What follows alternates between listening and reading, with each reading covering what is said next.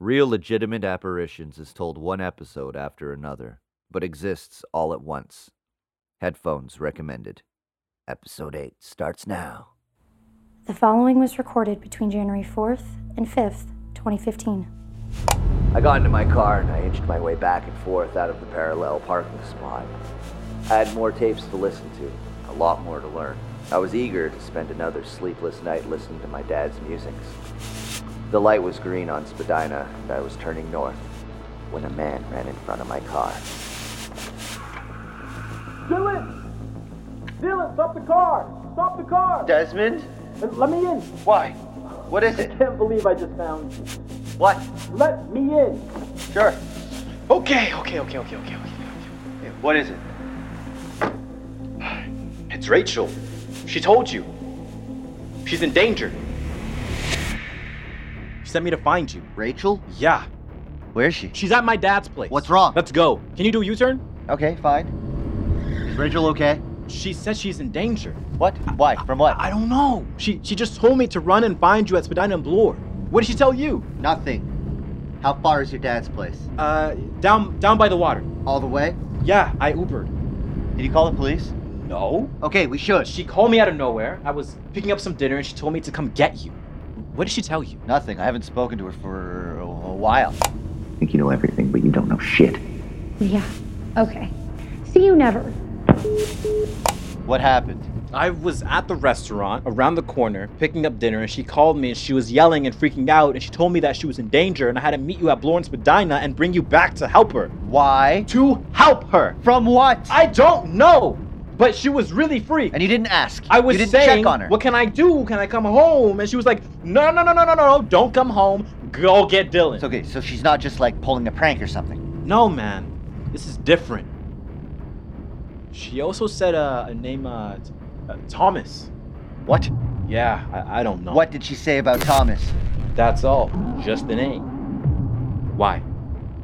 What is it? You should have checked on her! No, man. She said I had to get you. Your phone is But dead. if she's in danger, why would you just leave her alone? She just fucking said, go get him. I wanted to help her, and she made it pretty fucking clear what she needed. You think she was talking about the, the, the Thomas you work with? I don't know. Is there another Thomas? Like a like an ex? Something happened between the Thomas guy and me.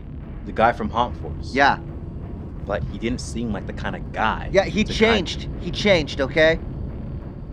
Would he hurt her? I don't know! left up here.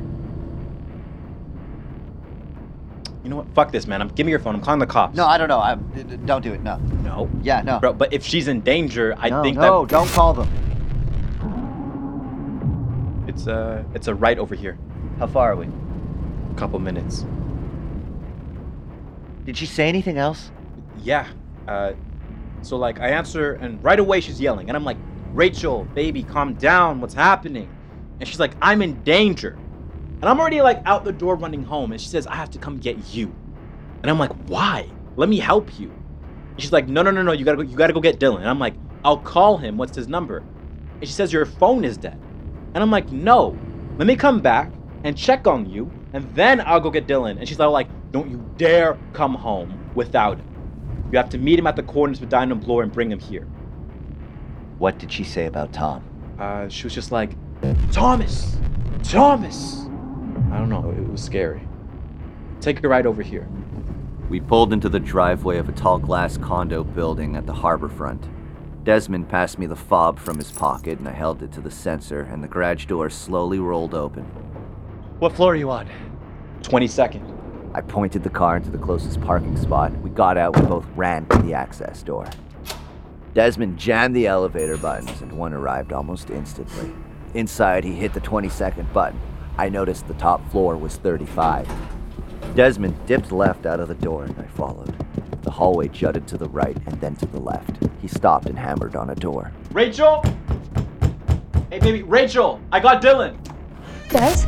The door opened and Rachel was standing there. Hey. Hi. My heart surged with joy at seeing her okay. She looked a bit tired, maybe a bit sick, but she was okay. Hey, it's uh, good to see you. You too. If she'd made Dez and I run across the city for no reason, I didn't care as long as she was okay. You're okay? Yeah, Okay. They embraced. I felt all the tension evaporate off Desmond, like a balloon releasing its air. Uh, okay. I guess, um, come in. Desmond led the way inside, and I closed the door behind me. We walked down a short hallway with a big kitchen with polished black counters on the right and a large home office filled with computer screens on the left. At the end was a living room. A curvy, modern couch sat in the middle beside an elegant glass coffee table. On the wall hung a massive widescreen TV about three inches thick. Beneath the couch, on the polished, gleaming wood floor, was a thick, shaggy carpet with a blanket crumpled on it. On the other end of the room was a stylish bookcase featuring bone carvings, metal figurines, wooden masks. But the outstanding aspect of this stylish room was the windows. The entire length of the far wall, which was about 40 feet, was pane after uninterrupted pane of floor to ceiling glass. The entire living room was reflected back on itself like a semi translucent mirror. Have a seat. Rachel took a seat on the couch and I followed her. She reached down, picked up the crumbled blanket, and wrapped it around her legs. I tried to connect eyes with her, but she was avoiding me. I need a glass of wine. You want one? Um, yeah. no thanks. Rachel was looking down at the shag carpet. Hey, you okay? Des said you had, like, uh, you wanted to see me? Yeah, sorry. I don't know. Her eyes didn't leave the carpet. It's no problem. I was just.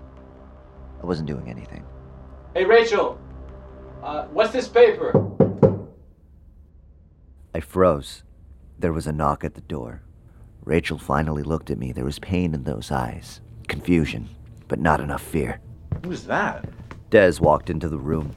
I connected eyes with him and shook my head, trying to tell him not to answer the door. And then I noticed what he was holding. In one hand was a full glass of water, in the other was a paper covered in pencil markings. Over and over on the page was written Thomas Bracknell, Thomas Bracknell, Thomas Bracknell. Rachel?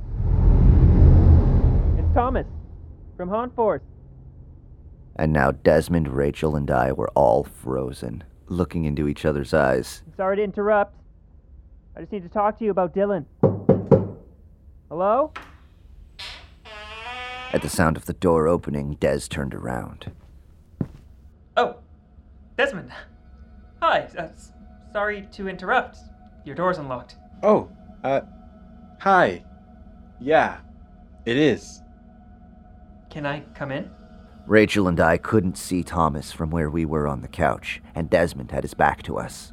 It's funny that you're here, actually. Oh, really? Why is that? Desmond turned around to look at us, confusion all over his face, as if the world wasn't making any sense, as if this was hilarious and mind bending and horrific all at once. He stepped back, and Thomas came into the room. The last time I had seen Thomas was as he was closing the door on me and leaving me inside the lighthouse with three dead bodies. Today he had a backpack on, and I could immediately tell he was playing the same character he had played when I first met him, the same character he had played when he met Des and Rachel. As he stepped into the room, he immediately saw Rachel and then saw me. We connected eyes, and then there was a long pause. Huh. There was so much in his look fear, hatred, acknowledgement of the secrets we had with each other, and I probably mirrored it right back at him. The pause lasted what felt like an eternity, and then Well, look at that. Exactly the person I wanted to speak with. What do you want? Thomas smiled uncomfortably. He had definitely not expected me to be here. I just wanted to chat about what's going on. What aspect did you want to talk about? The dangerous path you're on. In unison, Rachel and Desmond turned their heads towards me as if to ask what path he was talking about. It seems like this has the potential to go a little haywire. So I think I'd like to clarify the two options I see happening. The first option is that you come with me for a drive. We can talk, hopefully, come to an understanding. And I bring you somewhere so that you and those around you will be safe. The second option involves all four of us. You too. We can have everything out in the open and talk about lighthouses and parents and. Okay. Okay. Okay. So then let's go. I stood up. Rachel was looking up at me, confused, scared. Hold up. Where are you going? Des was asking this to Thomas, who didn't look at him and only had his eyes on me, as if I might explode at any second. I made my way around the couch and took a step towards the hallway. Guys, this is sketching me out a little bit. You're talking about something that I don't understand. Thomas, you came here to talk to Rachel and I about Dylan. What did you have to say? Tom's eyes never left mine. He was making it clear that the next move was mine to make. I took another step. Dylan, do you even know where you're going? I broke eye contact with Thomas and looked at Desmond. Why did I get you, Dylan, after Rachel told me she was in danger because of you, Thomas? Huh? Can someone please fucking tell me? And why do I have your name, Thomas, scribbled all over this fucking paper? Des held up the paper with Thomas's name written over and over. Thomas looked at it, his skin flushed. Well, Dylan, it looks like we have to leave right now. And why does it say on this paper, check his backpack? Huh? Thomas's eyes flashed back to the page again to the bottom corner where Des was now pointing. Desmond turned around to show Rachel and I as if he was a teacher demonstrating an important lesson to an elementary school class. Does anyone understand what's going on? And then I felt a little like faith, I guess, which might have been the only time in my life I'd ever felt that. It was a feeling like, while I had no idea what was going on, or why things were happening, or what was about to happen, it felt like something was trying to guide me through this ordeal. Something was on my side. It's in your backpack, Tom. I'm not here to hurt you, Dylan. This entire time I've been trying to help you. And show us what's in your backpack. You're making this really fucking difficult. What did you come here to do? I came here to find you. You didn't think I'd be here. This is your final chance to come with me. Thomas took a step back towards the hallway, but Dez stepped in his way. Thomas, I also want to know why you knocked on the door of my dad's apartment and called for Rachel. Hmm? Oh my god, Desmond, I can see how this is all really confusing to you. Thomas took a step to the side to face Des without turning his back on me. I noticed on her social media that she was in Toronto and staying here with you, and it's primarily her that I wanted to speak with. No offense. Okay. Then what's in your backpack? Maybe I should just leave. You can leave when you show us what's in your backpack. Exactly. Fine. Color flushed Tom's face again as he swung the backpack off his back and into his hands. He unzipped it, reached in, and pulled something out. Hey, no. Why don't you toss the bag to Dylan?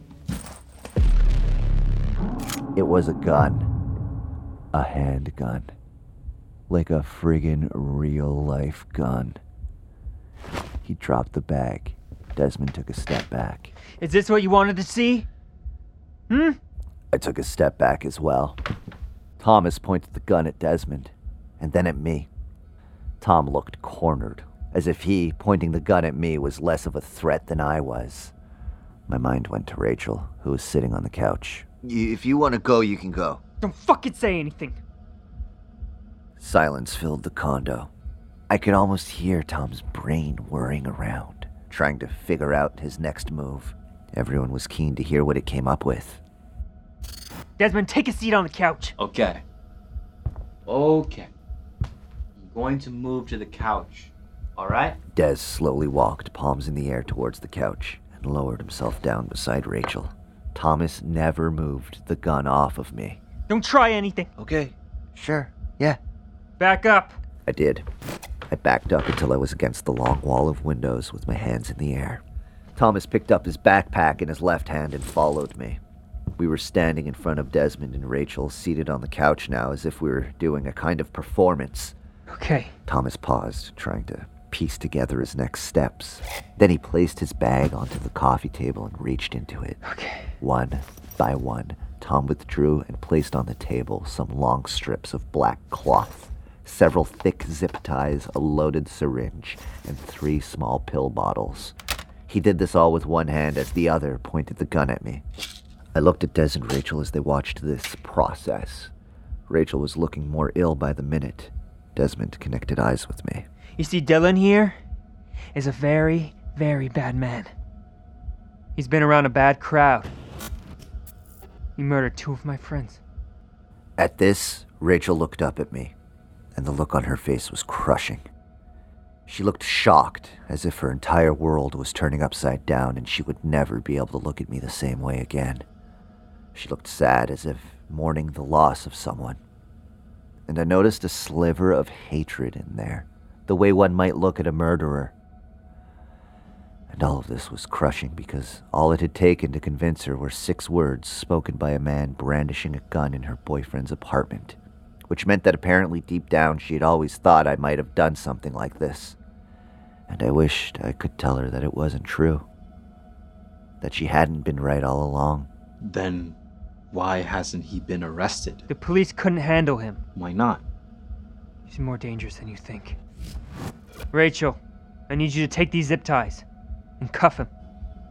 Do it. Rachel didn't move, so Tom pointed the gun at her. Do it! And Rachel slowly reached out and picked up the zip ties. She stood up. If you didn't think Dylan was going to be here, why'd you bring this stuff? Dylan, put your hands behind your back. I did. Rachel stepped behind me and gently grabbed my hand. I can see things. Tom looked back at me with a kind of sneer on his face, like I was an idiot for taking it in this direction. What? Put them on tightly, Rachel. Sometimes I can control the past. What does that mean?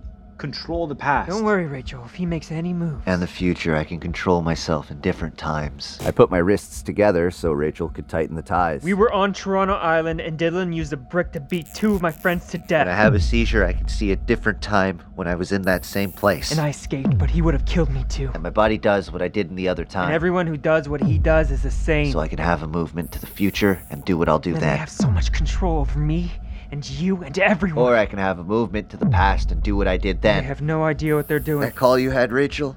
That person who called you talking about me? You see, there's a reason this world is falling apart. That was a friend of mine calling you from the future. They're always insane. They were with me, and they died because of Tom. Because of me? Yes! Neff was dead when we got there. Dad did all of this too. He knew Neff. He had movements. You don't know anything about your dad. He was a predator. I felt Rachel tense up behind me as she took a step away. He was helping people He recruited people, kids. who didn't know what was happening to them. Yeah, they did. He helped them. He put them in danger and showed them how they could control us. You hunt them. He led them to their death, Dylan. And that's exactly where you're headed. If you don't end up hurting others, you're gonna hurt yourself. There's something fucking wrong with you. You're a mistake. And so was your father. Tom's face was screwed up and red with emotion. The hate on him was radiating through the room.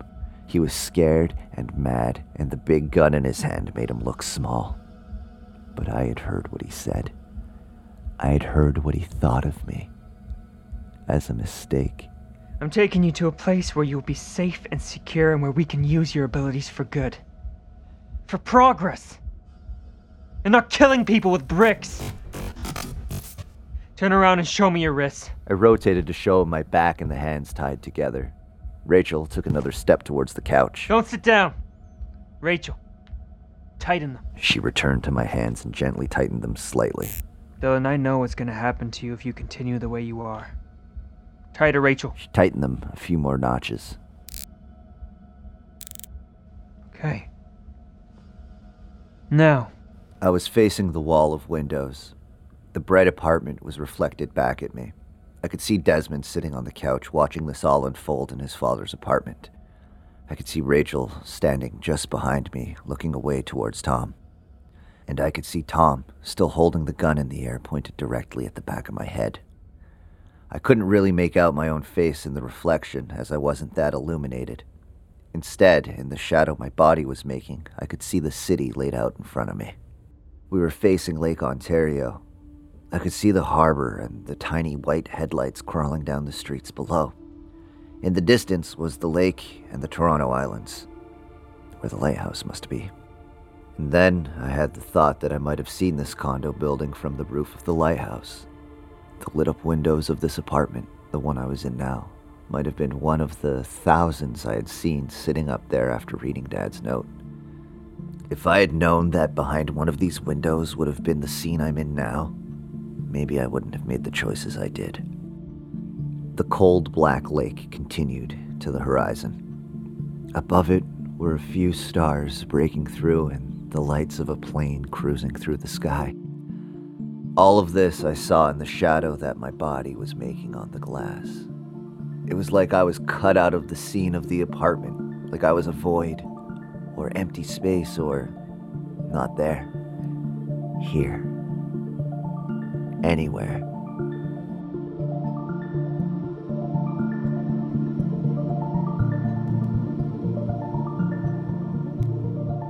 There are two possible answers to the question that I posed earlier in my lessons. Are you the only spark of consciousness flowing along your lifeline? One possible answer could be no, there is a constant flow of consciousnesses through your lifeline.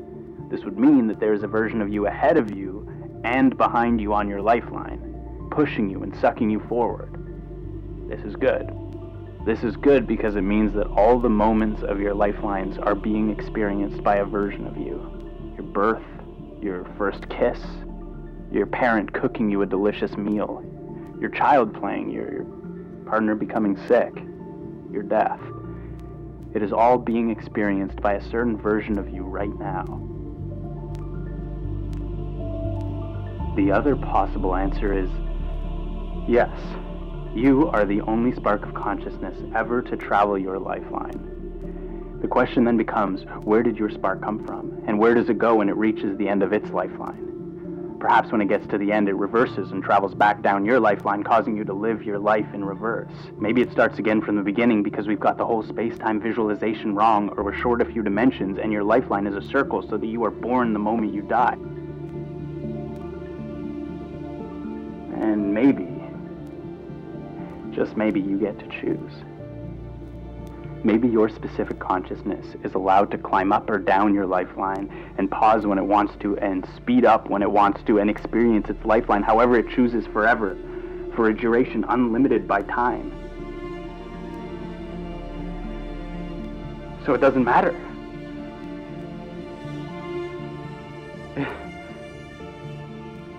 It has taken me, will take me, is taking me a lifetime my lifeline to understand you can go back.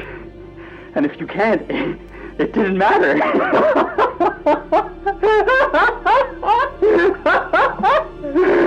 I found it totally impossible to believe that we'll only exist once, that we'll come from nowhere, traveled up our lifeline, and then burn out. No, that makes no logical sense, so it doesn't, hasn't, won't matter. Your lifeline will always be filled with you. You existed at all times for eternity. That's it. That's what this will all mean. So build. You, you have to build. Make it all possible. Complete the circles. Focus. If it's not possible, it can't happen. Faith, I guess. You needed it. I need it. And now I feel like I have it. Build your tower. Build it sturdy and strong and tall. Build it great and beautiful and happy and make it into whatever you want to because you are going to be living inside of it for all of eternity. Forever. It could be your heaven or your hell. Or I don't know. Maybe not. But you gotta build it anyway. And when it was as sturdy and great and beautiful and happy and tall as you can get it, you have to jump off the roof.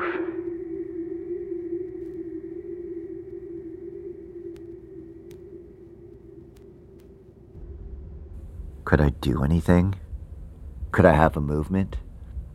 But anything I did, any sudden action I could make, would put Rachel and Desmond in danger. No matter how rehearsed, how precise my movements were, I wouldn't be able to get out of this one and guarantee that Rachel and Des would be safe. And then I noticed in the reflection of the glass that Tom was holding one of the pill bottles in his hand.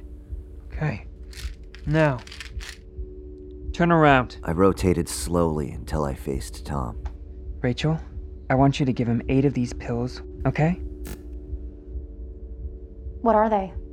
They stop seizures. It's what he should be taking anyways. Catch. Tom tossed the little bottle to Rachel, who caught it. Eight? Yes. That's a lot. Oh, better safe than sorry. Why? If he's gonna come with me, I have to know he won't try any. Why would his seizure hurt you? I'm not asking you. He's supposed to have at most 10 milligrams spread over a whole day. This would be 16 all at once. Give him the pills, Rachel. He'll be fine. But why? He's dangerous. Listen to me, okay? If you give him these pills, I'll put the gun down. He takes the pills, I put the gun down. We leave. Okay? Okay, yes. That's fine, Rachel. That's fine. Okay. Slowly and in silence, Rachel tapped out eight little white pills onto her palm and displayed them to Tom. Desmond, pass them the water. Desmond didn't move. How do you know what's in them, Rachel? Pass them the water. But I don't get it. He was willing to go. With and then you forced my hand. Why did you bring zip ties and a gun to my dad's place? Guys, it's okay. I don't understand what you think is going on. I have this gun, and I'm telling you to pass the water, and if you don't, we'll use a syringe on him. And if that doesn't work, I'm gonna kill everybody in here. You understand? I can get the water. Rachel placed the pill bottle back on the table, reached and picked up the glass that Desmond had prepared for me earlier. It's not going to hurt him. No. She placed the water glass beside her on the table and picked up the first little white pill from her palm. Open your mouth, Dylan. I did. Rachel placed the pill onto my tongue and then picked up the glass of water. She tipped it into my mouth. The water trickled down both my cheeks as I swallowed the pill. Show me. I opened my mouth back up and danced my tongue around to show I wasn't hiding the pill anywhere. Okay, next. You're afraid he's gonna have a seizure? Rachel picked up the next pill. I offered her my tongue. You you think he's a he's a he's a witch or something? As soon as I had shown Tom I'd swallowed the pill, he said, Next pill. The dose is just two at a time. It's not gonna hurt him. I need him to walk. Do it. It's okay. Rachel turned to look at me. It's fine. I haven't taken them in a while, so it's just like making up for it. Eight won't hurt me. What's happening? Don't talk. Take the pills, and then we can all relax. It's okay. Come on. Rachel was searching my eyes for some kind of directive. I opened my mouth. Rachel placed the last five pills onto my tongue and then poured more water into my mouth. Show me. And again, I danced my tongue around my open mouth. My shirt was wet with spilt water. Okay. Okay, that wasn't so hard. Right? Good. Can you put the gun down? Just wait. Gotta give it time to hit. How did you find me? In the beginning. Thomas glanced at Rachel and Des, but decided to answer. We've been following you your entire life. Your dad, Nathan, he was a big case. We knew that you also had epilepsy. As soon as we saw that he had left you money and instructions, we had to move in closer. Any decent father would have left his kid out of it. That's not how it works.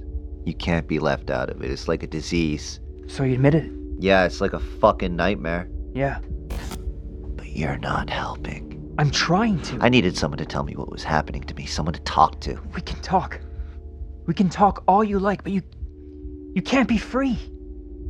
The way you see the world like everything is predetermined means that you don't take responsibility for your actions. That's not true. You force things to happen for selfish reasons and you forget about everyone and everything else. You think that the goal you're after applies to just you. What goal? What goal? Come on. It's selfish. I mean, your dad left you, both of you, and he did a lot worse to other people. What goal? Tom smiled like I was twisting his arm to say out loud what we both knew. The circles, you call it, right? Completing the circles? Yeah. Why? Why? Why do you complete the circles? I want to hear it from you. You think I don't know? To escape the time lock, you think you have to complete all your circles. You think that you're special. That only you can escape just because you see outside the time lock. But what says all of us can't escape? That we don't. You ever think about that? I was starting to get lightheaded. So this time lock is the prison? Whatever you want to call it. Sure, prison. And to say that Rachel or Desmond or I won't escape, that you have to complete all your circles no matter what to get out, that the rest of us are just collateral, this is why you're dangerous. But. But I needed to sit down. How do we escape? however you want to. But you have to live it first. Where are you. Where are you gonna take me? Look at that. Looks like you're ready to go. You said you would put the gun down. Sure. Sure. Thomas lowered the gun to his side. You ready to go? Yes. Where are you taking him? Des, don't. What? Let him go. Where is he going? Dylan is dangerous. Doesn't matter. Take him and go. Damn. Well, you heard your sister, Dylan. Let's go. Rachel! That's your brother! He's not my brother. I placed one step in front of the other, trying not to sway. It felt like I was wearing a weighted blanket. Tom put the meds, the syringe, and the black cloth in his backpack. You don't need the gun. I'm coming. Put the gun away. We'll see it on the security cameras. They won't. I disabled them. What? I tripped the wires in the hallway, elevator, and garage. Really? Yeah. Wow, you're good. But there might be someone in the hall. Tom looked at me. I was afraid I might faint before I got out of the apartment, before I could get him away from Rachel and Des. I took another few steps. Tom dropped the gun back into his backpack. All right. After you, Dylan. I took another few wobbly steps towards the hallway, past Rachel and Desmond. I knew this would be the last time I saw them. And then past Thomas, who now had his backpack on. When I reached the hallway, I bumped into the wall and pushed myself towards the closed front door in front of me. Keep him safe. I will. Tom would take me down the elevator and to his car. I'd fall asleep and he'd drive me to who knows where, to some basement or some facility or some prison. Maybe he'd force me to do movements. Maybe doctors would test me. But at least I would be out of here, out of the lives of Rachel and Dez and Madison. They'd be safe, and I would be where I was meant to be. I heard something behind me. Hey! What are you doing? No! Never leave a gun in your backpack, idiot. I fell to my knees. I didn't know what had happened. I didn't feel any bullet rip through me, but then again, I couldn't feel much. I turned around. Tom was on the floor with a bullet hole in his head. Rachel was holding his gun. Are you okay? Yeah. What? Yeah, I am. The fuck? Desmond, get a knife. Undo the zip ties on Dylan and wash them. Yeah. What did you do? You have to go. The neighbors will call the cops. Hurry! Yeah, yeah, I got them. Alright, careful. What the fuck was this guy doing? Okay, got him. Dylan, go. Don't let anyone see you, but if the cameras are down, He disabled the cameras because he was going to take you. I know. Dylan, go.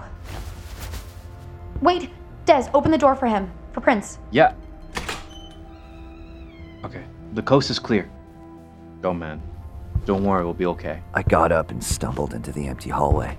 I turned around. Rachel! I love you. Get out of here. She had her phone in her hand.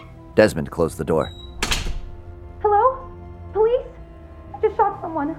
I turned and made my way down the hallway that jutted to the right and then to the left. When I got to the elevator, I looked at the blurry digital numbers above the sliding doors. Two of them said P2, and the other said 15, then 16, then 17. I hadn't clicked the button, and if I did, this would be the elevator that would open, and there might be someone in it. I continued past the elevators to where the hallway jutted to the left. I flattened myself against the wall so I couldn't be seen, and waited, and listened.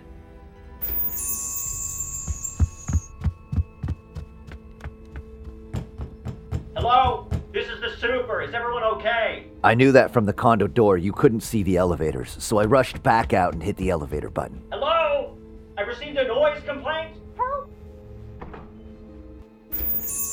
In the elevator, I kept my head down and tried to act casual in case the camera in this elevator was on. By the time I had arrived at P1, I was practically sitting on the floor. I stumbled into the parking garage and looked around for my car.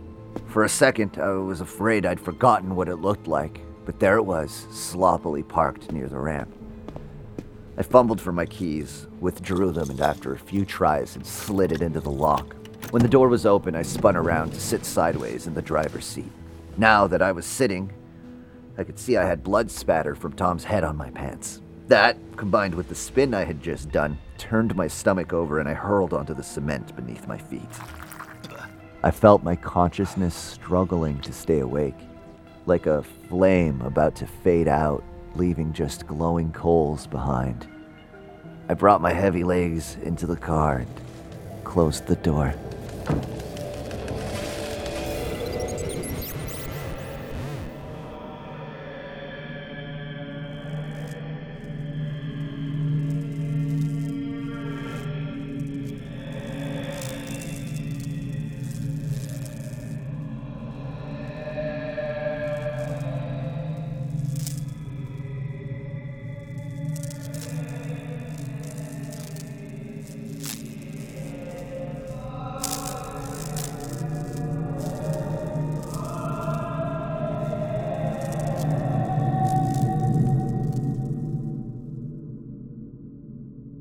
Woke up with a pounding head and a really sore neck.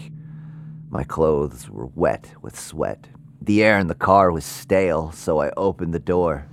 I'd had dreams dreams of stumbling down hallways, chasing people, my mom, the Madison from the Sunset, Tom, and all to the tune of the Airwaves song. Over and over and over it had played, so that now it was stuck in my head. I was about to get out of the car and stretch, but I remembered Rachel's point about the security cameras. If they were looking for clues or suspects, I couldn't be seen. I started the car and backed out of the space. I probably shouldn't have been driving on the account of the meds, but I thought I could make my way slowly back up through the city to my apartment, take the side streets. I pulled up to the garage door and it opened automatically. Sunlight flooded in. It looked like it must have been 10 or 11 in the morning. As I rolled forward, my eyes adjusted. I noticed that at the top of the ramp was a cop car. I paused. Would they stop me? What would I say? I slowly rolled up the ramp. I lowered the window. Hi. Hi there. What can I do for you? We're conducting an investigation into some residents of the building. Are you a resident? No, no, I was just uh, seeing a friend. Did you spend the night? Uh, yeah, I did. What's the unit number? Oh, uh, uh, I don't remember, to be honest. I, I wasn't uh, too high up, though. And uh, who are you staying with? Ashley or, or Brandy? Last name? Oh, I don't know that either. It was a long night. What time did you get into the unit?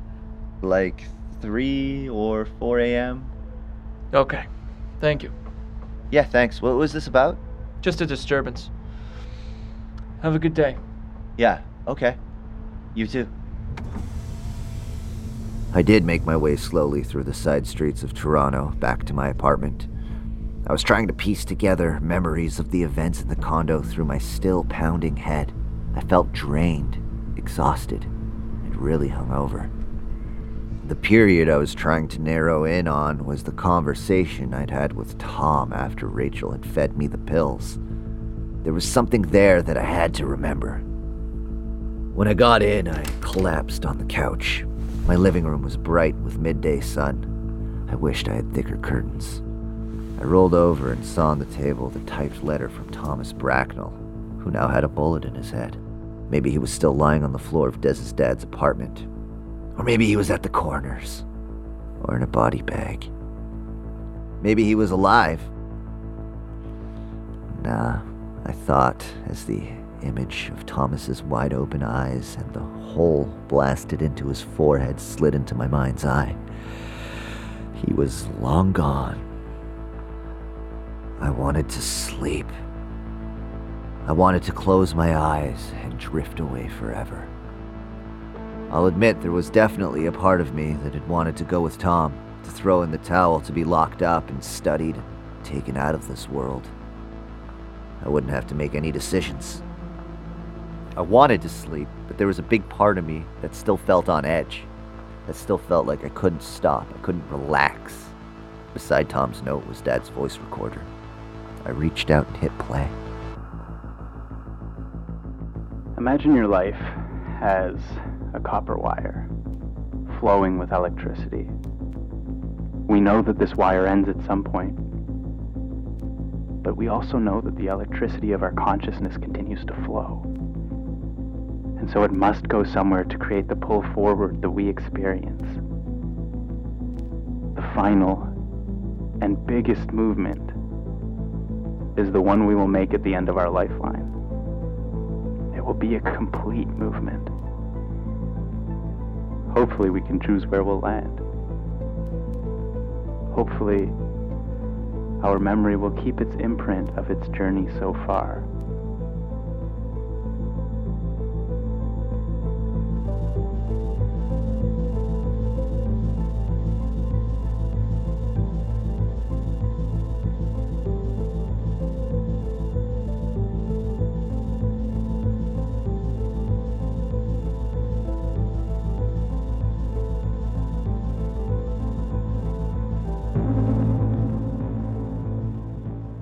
You can follow this story on Instagram and Twitter with at RLA Series. Please consider visiting patreon.com slash RLA Series to support the show and reviewing it on your favorite podcast app. Thank you for listening.